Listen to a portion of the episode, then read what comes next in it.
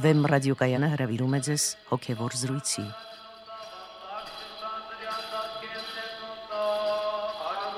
Սիրելի ունկնդիրներ, Վեմ ռադիոկայանի եթերում են արժանապատիվ Տեր Մեսրոպ Քահանա Արամյանը եւ Արա Սարգսակ Նալչաջյանը։ Այսօր կզրուցենք ընկճվածության կամ դեպրեսիայի մասին։ Օրհնեցեք Տեր հայր։ Աստված օրհնի։ Տեր հայր, ըստ ռուսական մեծ հանրագիտարանային բառարանի դեպրեսիան կամ ընկճվածությունը բժշկագիտության մեջ համարվում է հոգեկան խանգարում եւ բնութագրվում է տրտմած ընկճված տրամադրությամբ, սեփական անպիտանության գիտակցությամբ, հորետեսությամբ, պատկերացումների միօրինակությամբ, ձգտումների թուլացմամբ, շարժումների արգելակվածությամբ, զանազան սոմատիկ շեղումներով։ Մեր թղթակիցը դիմել է մարդկանց հետևյալ հարցով. Արդյոք ձեր կյանքում լինում են դեպքեր, երբ ձեզ ընկճված եք զգում, դեպրեսիվ վիճակի մեջ։ Ահա թե ինչպիսին են եղել պատասխանները։ Իհարկե լինում է։ միշտ նորմալ վիճակում եմ լինում։ Իսկ ում չի պատանում անճվածություն, իհարկե։ Լինում են։ Ոչ հաճախ, բայց լինում են։ Աշխատում ենք չընկնել այդպիսի վիճակների մեջ, բայց լինում են, ելքն էլ միշտ գտնում ենք։ Այո, լինում են։ Լինում են, հետո անցնում են այդ պահերը։ Երբեք չեմ անգնում, որովհետև ես Աստված ունեմ։ Այո, մեկ-մեկ լինում է։ Ես աթեիստ եմ։ Իմ համար Աստված կրոն մրան գոյություն չունի։ Դա երբ չէ ելնում, միշտ ելնում ենք, բայց ասուն չեմ դիմում երբեք։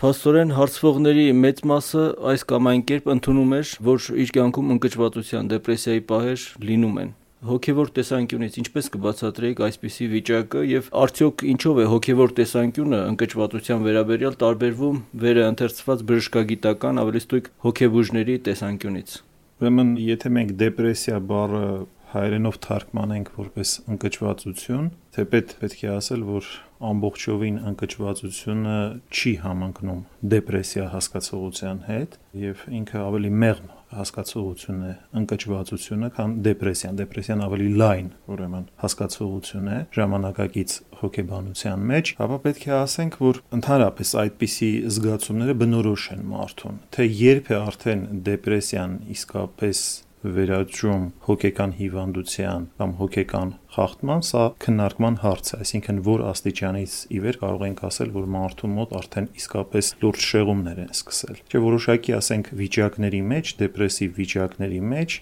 այս կամ այն կերպ մարդը հայտնվում է հատկապես այդ դեպրեսիվ վիճակները բնորոշ են վերջի ժամանակաշրջաններին 20-րդ դարին եւ այլն։ Կրոնական գիտակցության տեսանկյունից ելնողները փաստորեն միարժեքորեն ասում են, որ դեպրեսիվ վիճակների կտրուկ աճը ուղակի հետևանք է համընդհանուր անաստվածության։ Այսինքն մարդը լինելով կրոնական էակ եւ հեռանալով իր բուն կրոնական ակունքներից, փաստորեն կորցնում է իր կյանքի մեջ հավասարակշռությունը, այսինքն չի կարողանում adekvat կերպով հասկանալ իր ով լինելը, իր ուր գնալը, իր կյանքի նպատակը եւ այլն, եւ ամեն անգամ, երբ որ մարդը կանգնում է այդ հարցի առաջ, կամ ամեն անգամ, երբ որ իրեն ներսից հուզում է այդ հարցը, ինքը խորապես սկսում է գիտակցել իր ոչ երջանիկ, ապերջանիկ վիճակը եւ դրանից ինքը հայտնվում է որոշակի դեպրեսիվ վիճակների մեջ։ Եվ միարժեքորեն հոգևոր գիտակցության հետևորդները հանգում են այն մտքին,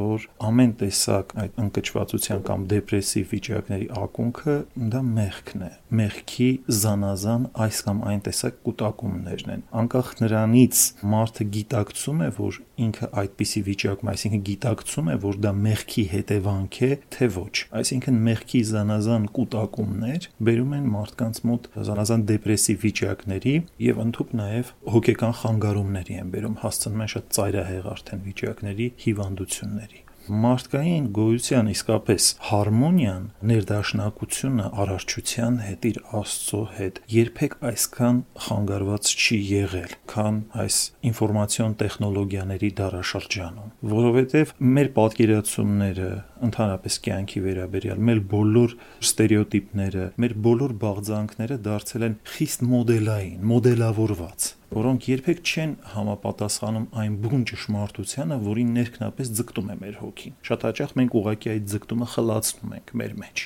Եվ այդ մոդելները ամենևին էլ չեն կերտվում այն իդեալին համապատասխան, որին կոչված է մարդկային բնություն։ Այլ կերպ ասած, դրանք այսպես հոգևոր գիտակցության տեսանկյունից կոչվում են կեղծ պատրանքային մոդելներ։ Եվ մարդու մոտ սկսում է հսկայական մեխանիզմ աշխատել իր հոգում համապատասխան լինելու հնարավորին չափ մոդ լինելու այդ կեղծ մոդելներին։ Եվ այդ կեղծ մոդելների մեջ կարծեք թե մարդը փորձում է գտնել իր երջանկությունը, իր կյանքի նպատակը։ Օրինակ, կեղծ մոդելներից մեկը շատ փող ունենալ Մարդուն թվում է, որ եթե ինքը շատ փող ունենա, ինքը անպայման կլինի երջանիկ։ Ուրեմն քիչ փող ունենալու դեպքում ինքը պետք է անպայման իրեն նվազ երջանիկը զգա եւ կարող է անգամ դրանից ինքը հայտնվել դեպրեսիվ վիճակի մեջ։ Եվ այլն, եւ այլն, այսինքն մարդը փորձում է հնարավորին չափ մոտ գտնվել այդ կեղծ մոդելներին եւ ամեն անգամ իր մոտ առաջանում են զանազան դեպրեսիվ վիճակներ։ Այլ կերպ ասած, մարդու բնական ձգտումը դեպի կատարելություն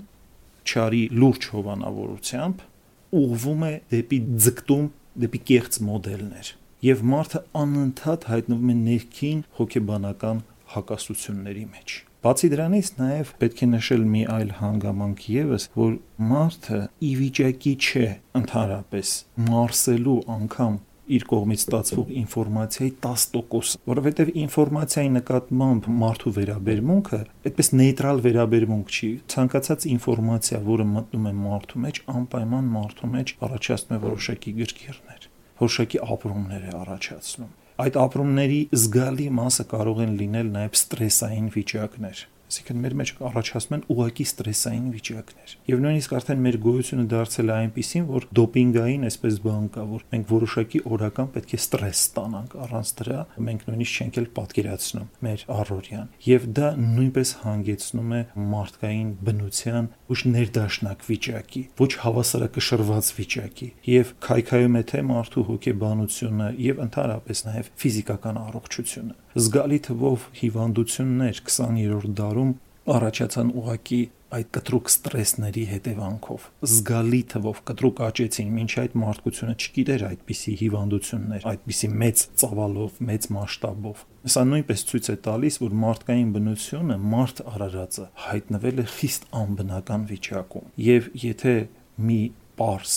բառով փորձենք մտագրել, թե ինչու է մարդը հայտնվել այսպիսի անբնական վիճակում, կարող ենք ասել հետեւյալը, որ մարդը կորցրել է Աստծուն մարդը կորցրել է սիրելու ունակությունը, մարդը կորցրել է ուրախության աղբյուրը, երջանկության աղբյուրը, եւ ինքը փորձում է զանազան կերպերով իրեն խაფել։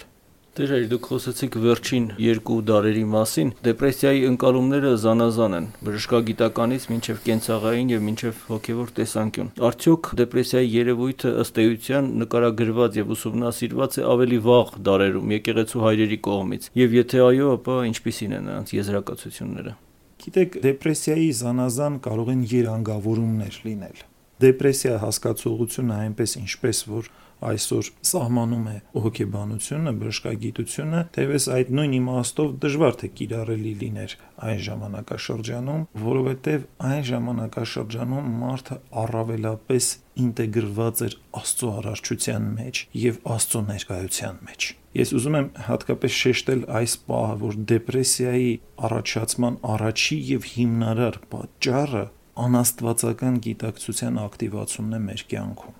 համար առաջի պատճառ, այսինքն երբ որ մարդը ապրում է Աստծո ներկայությունից դուրս, երբ որ մարդը կտրվում է իր երջանկության բուն աղբյուրից։ Հիմա գալով այդ զանազան երանգավորումներին կարելի է որակել դա որպես ընկճվածություն, որպես սեփական անօքնականության զգացում, որպես ձանձրության ինչ-ինչ դրսևորումներ, որպես տխրության ինչ-ինչ դրսևորումներ։ Եվ նույնիսկ կարող ենք այդտեղ այդ դրսևորումների մեջ զանազանել դրական պահեր եւ բացասական պահեր։ Օրինակ, մարդը կարող է որոշակի տխրություն ունենալ, բայց իր սեփական մեղքերի համար եւ այդ տխրության չափը եկեղեցու հայրերը ասում են պետք է լինի չափավոր այսինքն չպիտի լինի չափից ավելի ինչպես ասում է Սուրբ Գրիգոր Նարեկացին Մատյանում որը կոտրի մարդուն Թերևս հենց այդ չափի անցումն է, չափից ավելի տրտմության արկայությունն է, որ կարելի է որպես դեպրեսիայի նկարագրություն համարել եկեղեցու հայրերի կողմից եւ որը բուժելու համար նրանք բազմաթիվ օգտակար խորհուրդներ ունեն տված։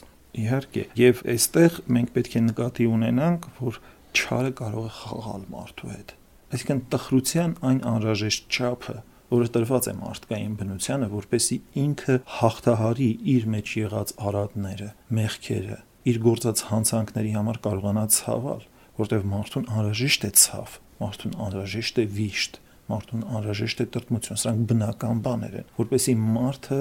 հաղթահարի մեղքը կարողանա պայքարել մեղքի դեմ։ Այլապես դերը չէր ասի Երանի սքավորներին, որովհետև նրանք պիտի մխիթարվեն։ Այո։ Եվ այդ սուքը եկեղեցու հայրերը ճշմարիտ սուքը, շատ հետաքրքիր եզր կա, անվանում են ուրախարար սուք։ Դա այս աշխարհի ընկճող տրտմությունը չէ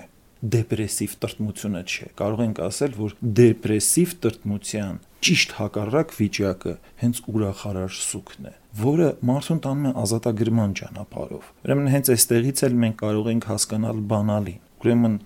դեպրեսիվ տրտմությունը մարդուն տանում է հետս հետե կաշկանդման ճանապարհով, այսինքն մարդը ուղակի կորցնում է իր ազատությունը եւ վերջո կարող է լիակատար կերպով կորցնել, այսինքն հայտնվել հոգեկան խանգարման մեջ, իսկ ճշմարիտ տրտմությունը այդ ուրախարար սուքը, որ հայրերը ասում են, մարդուն տանում է ազատագրման ճանապարհով։ Մարդը շատ հետաքրքիր բան է, մարդը ապաշխարելով իր մեղքերի համար սկսում է մոռանալ իր մեղանչական անցյալը զարմանալին այն է, որ որպեսի դու ապաշխարես, դու խորապես պետք է գիտակցես քո մեղքերի բնույթը, այսինքն նաև պետք է հիշես քո մեղքերը, բայց հիշելով հանդերձ դու պետք է մոռանաս մեղքի գիտակցությունը։ Ուրեմն կա հիշողություն, կա պայծառություն ներքին, որը տանում է մոռացության մեղքի բանալիների եւ մեղանչական անցյալի եւ այդ իսկ պատճառով ուղակի դա տանում է մարդու ազատագրման իսկ կա հիշողություն անցյալի սխալ հիշողության կերպ, որը ընդհանրապես քեզ տեղափոխում է դեպի անցյալի գիրկը անընդհատ դու սկսում ես այդ պատկերներով տարվել, անընդհատ սկսում ես անցյալի մեջ ապրել եւ հետս հետը կապանքվում ես քո անցյալի մեջ եւ դու կորցնում ես ներկայի զգացողությունը։ Այս արդեն վտանգավոր վիճակ է։ Ուրեմն ճշմարիտ ապաշխարության վիճակը այս վիճակը չէ, այլ ընդհակառակը ազատագրումն է անցյալի կաշկանդումներից, որովհետեւ դա ապաշխարական հիշում է եւ ոչ թե մարդկային մտաբանական հիշողություններ են, որի հետ կարող է ճարը շատ լուրջ կերպով խաղալ։ Այդպեսով մարդ դառնում է ոչ առաջադեմ, ինչպեսին որ պետք է լիներ քրիստոնյան, այլ փաստորեն անցյալամոլություն է դա, մի տեսակ, որը մարդուն թույլ չի տալիս առաջ գնալ հոգևոր ճանապարհով։ Պողոս Արաքյալը շատ հստակ է ասում այս մասին, ասում է եւ ես մոռացած իմ հետևինները ձգտում եմ դեպի իմ արժև եղածները հառաչադեմսն նկրտիմ շատ կարևոր է այսինքն քրիստոնեական կյանքի մեջ շատ կարևոր պահ է ձգտել դեպի արժևում եղածները Տեր հայր, ինչպես մեր օրերում հաճախ է պատահում, մարդը հայտնվում է դեպրեսիայի մեջ։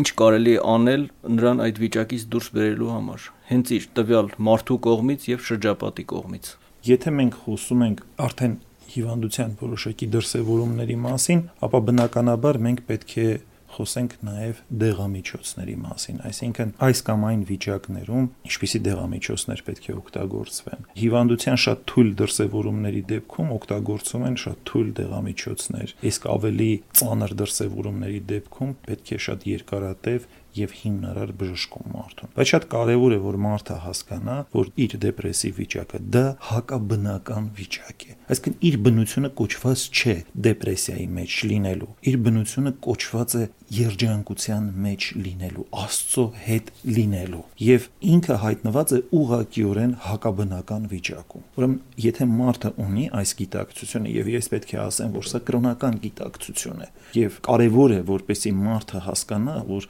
հոգեկան հիվանդությունները չունեն պարզապես հոգեկան բուժումներ։ Այդպիսի բուժումներ չկան։ Բոլոր հոգեկան հիվանդությունների բուժումների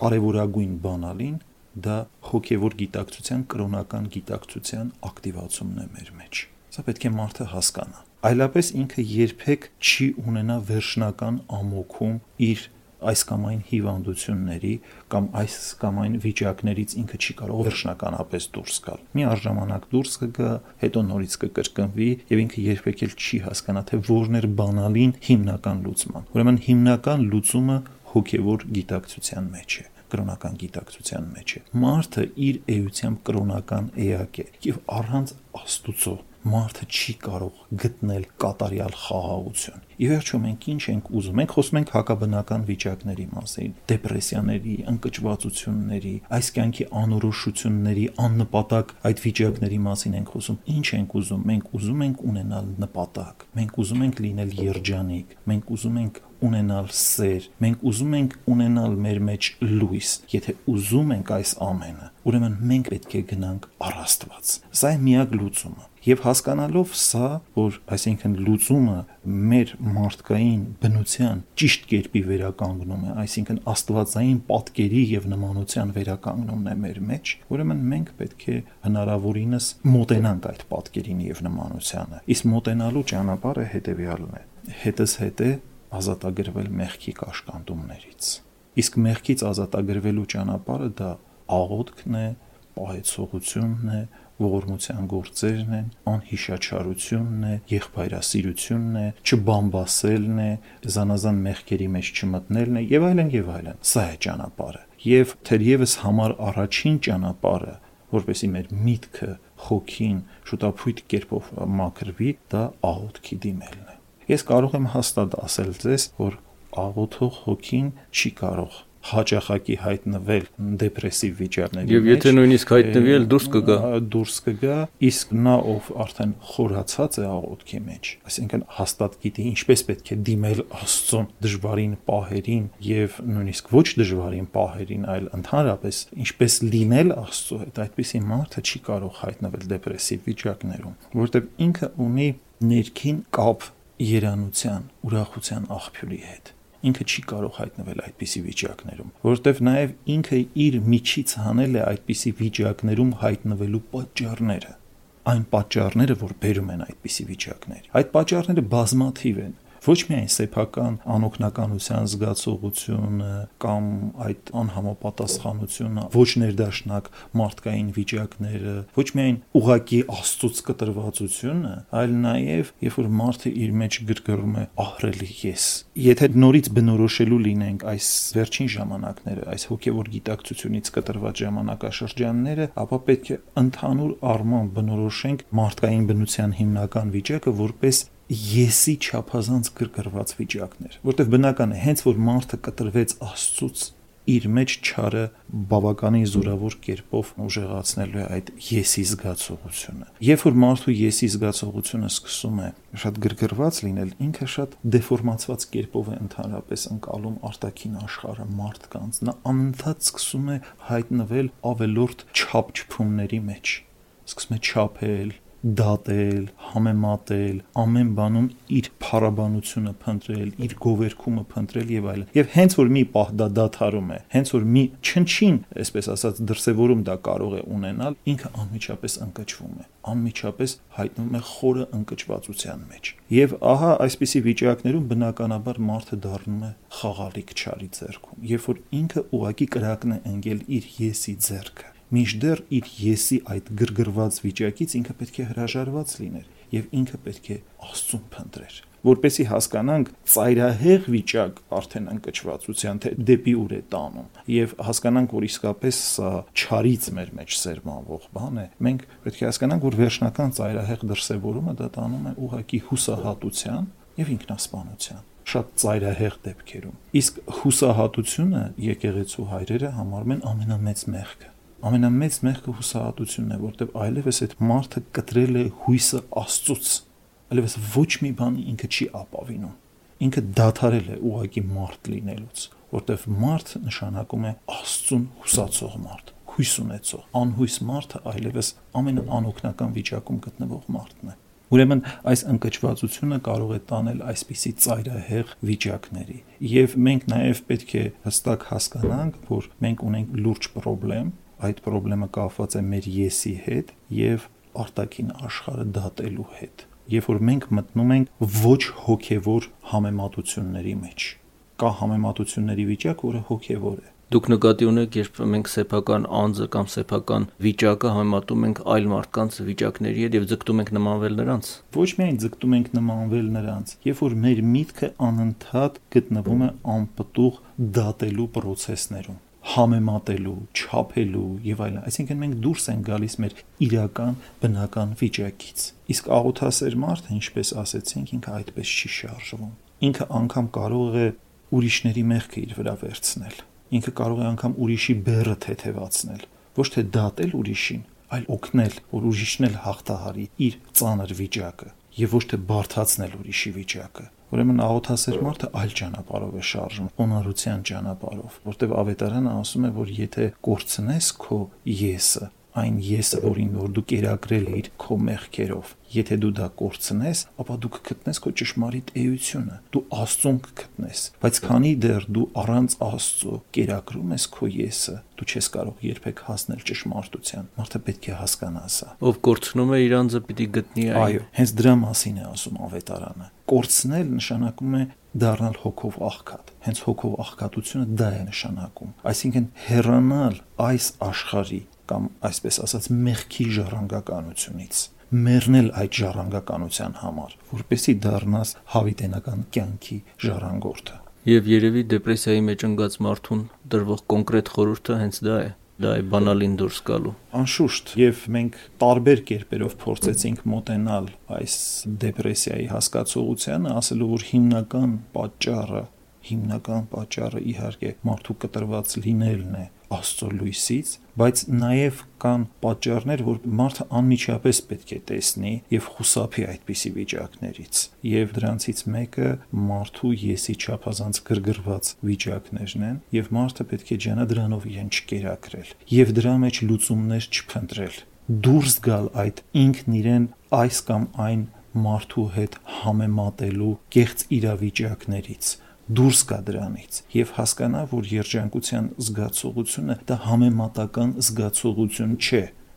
դա բացարձակ զգացողություն է։ Համեմատությունների մեջ ինքը չի գտնելու։ Դա բացարձակ իրողություն է։ Ունես Աստծուն կամ չունես։ Եթե չունես, հոգի չի կարող կատարելապես ունենալ խաղաղության զգացողություն, բայց հենց որ Աստծուն ունենաս, արդեն դու քո ներսում ձեռք ես բերել այդ երկնքի արխայությունը, որտեվ Տերը ինքն է ասում, որ երկնքի արխայությունը ձեր մեջ է։ Այդ ժամանակ, երբ որ դու գտնվում ես այդպիսի վիճակում, այսինքն Աստված է ներբնակվել քո մեջ։ Արտակին ոչ մի ահավիրք ամենասարսափելի ահավիրքն անգամ չի կարող քեզ ոչ երջանիկ վիճակի մեջ բերել։ Դեր այս խնդիրը տեղափոխենք մի փոքր այլ, թերևս ավելի լավ վիճակի ընդհանրող հարթություն։ Ավելի լավ է հիվանդությունը կանխարգելել, քան սպասել, որ այդ հիվանդությունը առաջանա եւ հետո բուժել այն։ Այսինքն ավելի լավ է կանխարգել էլ դեպրեսիան, քան թույլ տալ, որ մարդ ընկնի դրա մեջ եւ հետո հանել այդտեղից։ Ինչ պետք է անել, ինչպես անել, որ մարդ ամենևին չընկնի դեպրեսիայի մեջ։ Օրինակ, ասենք երիտասարդ մարդը առույգ դեր կյանքում շատ հարվածներ չստացած եւ դեպրեսիվ վիճակի մեջ չէ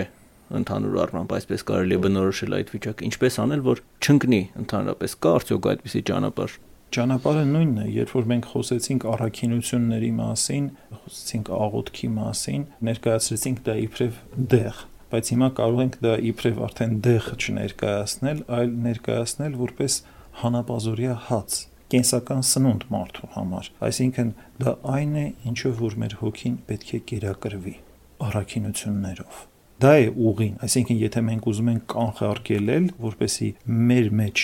չարը իր որոմները չսերմանի, ուրեմն մենք պետք է արդեն հերկած լինենք մեր հոգու անդաստանը եւ բարի սերմեր սերմանած լինենք, այսինքն հոգեվոր կյանքի սերմեր։ Եվ միակ լուծումը այդ կանխարգելման ուղակի կենթանի հոգեվոր եւ կրոնական կյանք ունենալն է։ Սա է միակ լուծումը։ Եվ որպես բանալի դրան պետք է մարդը ունենա մեղքի գիտակցություն, հասկանա, որ ցանկացած ստրեսային, դեպրեսիվ վիճակ մարդու մեջ առաջանում է մեղքի կուտակումներից։ Իսկ որպեսի մեղքը մարդու մեջ չկուտակվի, մարդը պետք է ունենա մեղքի գիտակցություն եւ մարդը պետք է ապաշխարի։ Երբ որ մենք ասում ենք քրիստոնյա մարդ, մենք հասկանում ենք ապաշխարող մարդ, որովհետև մարդը ինքը սխալական է, մարդը սխալներ թույլ է տալու հնարավոր չէ մարդը առանց սխալների, որտեղ մենք Աստված չենք, մենք մարդիկ ենք եւ մենք թույլ ենք տալիս սխալներ։ Բայց մարդը ունի բնական Աստծուց տրված մի մեխանիզմ ազատվելու այդ սխալներից դա ապաշխարություն եւ առանց ապաշխարության մարդը չի կարող թոթափվել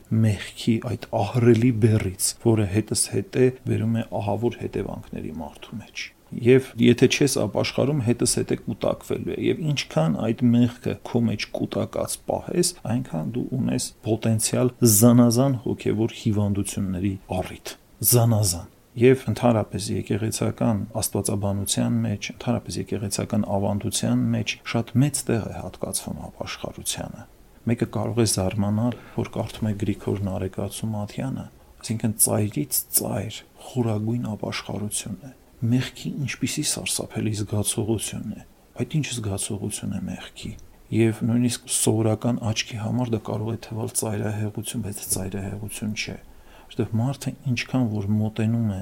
սրբությանը այնքան ավելի սուր է սկսում զգալ իր ամենաչնչին գործած մեղքերը Գրիգոր Լուսավորչի աղոթքը կարդում ես զարմանում ես, այսինքն մի կողմից ինքը Աստծուն խնդրում է, որ Աստված դադարեցնի այդ շնորների հոսանքը, որ գալիս է իր վրա, որտեղ ասում է չեմ դիմանում արդեն այդ շնորներին, պահիր, որպեսի այն կյանքում տաս դու ինձ, բայց մյուս կողմից անմիջապես աղերսում է, որ Տերը ների իր երիտասարդ կամ մանուկ տարիքում գործած ինչ-ինչ մեղքեր։ Ուրեմն այդպիսի սրբության գերագույն աստիճանում ինքը դեռևս խնդրում է Աստծուն, որ Աստված ների իր երիտասարդության ինչ-ինչ դեռևս անգիտակից մեղքեր։ Ուրեմն մենք կարող ենք ասել, որ ինչքան որ մարդը մոտենում է Աստծուն, այնքան ամենաչնչին բծերը իր կյանքի նրա աչքում դառնում են չափազանց մեծ եւ դա բերում է առավել ապաշխարության, բայց դա իհարկե նորից ասենք, որ կապ չունի դեպրեսիվ սուքի հետ, սա ուրիշ վիճակ է։ Սա ազատագրման կատարյալ արդեն վիճակներ են։ Եվ ուղակի եկեղեցին մեզ ուսուցանում է, որ մարդու ապաշխարություն երրակարգ է զղջում սրտի, խոստովանություն բերանի եւ ապաշխարություն գործերի։ Այսինքն, երբ որ մարդը ինչ-ինչ հանցանքներ է գործում, ինքը պետք է անպայման իր սրտում զղջա, ցավա իր մեղքերի համար եւ Աստծո առաջ խոստովանի ներքնապես ներքին ցավով, որ ինքը գործել է եւ աներկբայորեն որոշի, որ այլևս ինքը չի գործելու այդ մեղքը, ապա ինքը պետք է բերանով արտահայտի իր այդ մեղքը այն մարդկանց առաջ, որոնք ունեն կապելու եւ արྩակելու իշխանություն ավետարանով իրենց տրված իշխանություն մեր Տեր Հիսուս Քրիստոսով եւ երրորդ ինքը նաև իր կյանքում պետք է բարի պտուղներ գործի այսինքն իր գործած մեղքերի դիմաց ինքը բարի գործեր պետք է անի եւ ահա այս 3 փուլերը ունի ապաշխարության այդ ամբողջ process-ը որպեսի մարդը վերջնականապես իր միջից արմատախիլ անի մեղքի արմատները որտեվ կարող է ինքը գիտակցի ցավա խոստովանի բայց արմատները իր մեջ մնան ուրեմն վերջնականապես մեղքը արմատախիլ անելու համար նաեւ պետք է ապաշխարության գործեր դուք ձեր խոսքում շեշտեցիք աղոթքը արդյոք աղոթքը այն համադարմանը չէ դեպրեսիաների եւ մնացած նաև հոգեկան ցավերի, հոգեկան հիվանդությունների, այսպես ասած, դեմ, որը բուժում է այդ ամենը եւ կանխարգելում է այդ ամենը։ Մի խոսքով համադարման։ Աղոթք ասելով ես նկատի ունեմ Աստծո ներկայությունը, ինչպես Սուրբ Գրիգոր Նարեկացին է իր աղոթքներից մեկում ասում. «Զի իցակել անստվեր նշուլից փառածկոց, հալին մեղք, հալածին դևք, ջնջին հանցանք, խզին կապանք, խորտակին շղթայք, կենթանածնին մահացյալք եւ այլն»։ Արդյոք աղոթքը չէ պսակ այս ամենի եւ համադարմանը մենք արդեն խոսեցինք այս մասին, խոսեցինք աղոթքի կարևորության մասին եւ նաեւ ես պետք է ասեմ, որ ոչ միայն աղոթքը, ոչ միայն աղոթքը, այլ առաքինության ամբողջությունը որովհետև աղոթքը ինքը հոգևոր շատ կարևոր առաքինություն է, բայց ինքը առանց մյուսների չի կարող լինել։ Օրինակ, եթե դու չես ներում քո եղբորը, քո աղոթքդ կարող է անպտուղ լինել եւ նույնիսկ քո աղոթքդ կարող է բարկացնել Աստծուն։ Ընդունելի չի, որտեղ եթե աղոթքդ քո բանական պատարակն է, ինչպես ասում է Գրիգոր Նարեկացին, ուրեմն դու այդ բանական պատարակը մատուցելուց առաջ պիտի եղբորդ ներես բաներ կա, առանց որոնց աղոթքը կարող է լիովին անպտուղ լինել։ Ուրեմն, երբ որ մենք ասում ենք աղոթք, երբ որ մենք ասում ենք ապաշխարություն, մենք մասնակի կերպով չպետք է գիտակցենք սրանք այլ առաքինությունների ամբողջության մեջ։ Այսինքն այն ամենը, ինչ որ մեզանից պահանջում է Սուրբ Ավետարանը։ Սուրբ Ավետարանը մեզանից պահանջում է չդատել։ Սուրբ Ավետարանը անգամ մեզանից պահանջում է մեր թշնամիներին սիրել։ Շատ բաներ է պահանջում մեզանից Ավետարանը։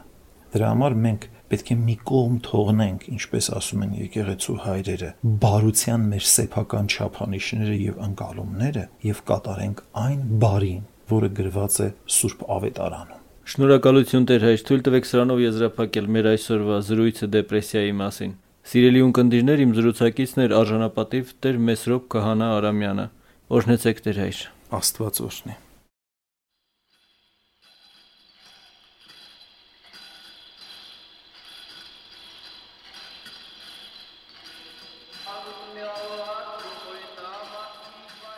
Հոգևոր զրույցներ հաղորդաշարի հերթական հաղորդումը վարեց Արաս Սարգսակ Նալչաջյանը։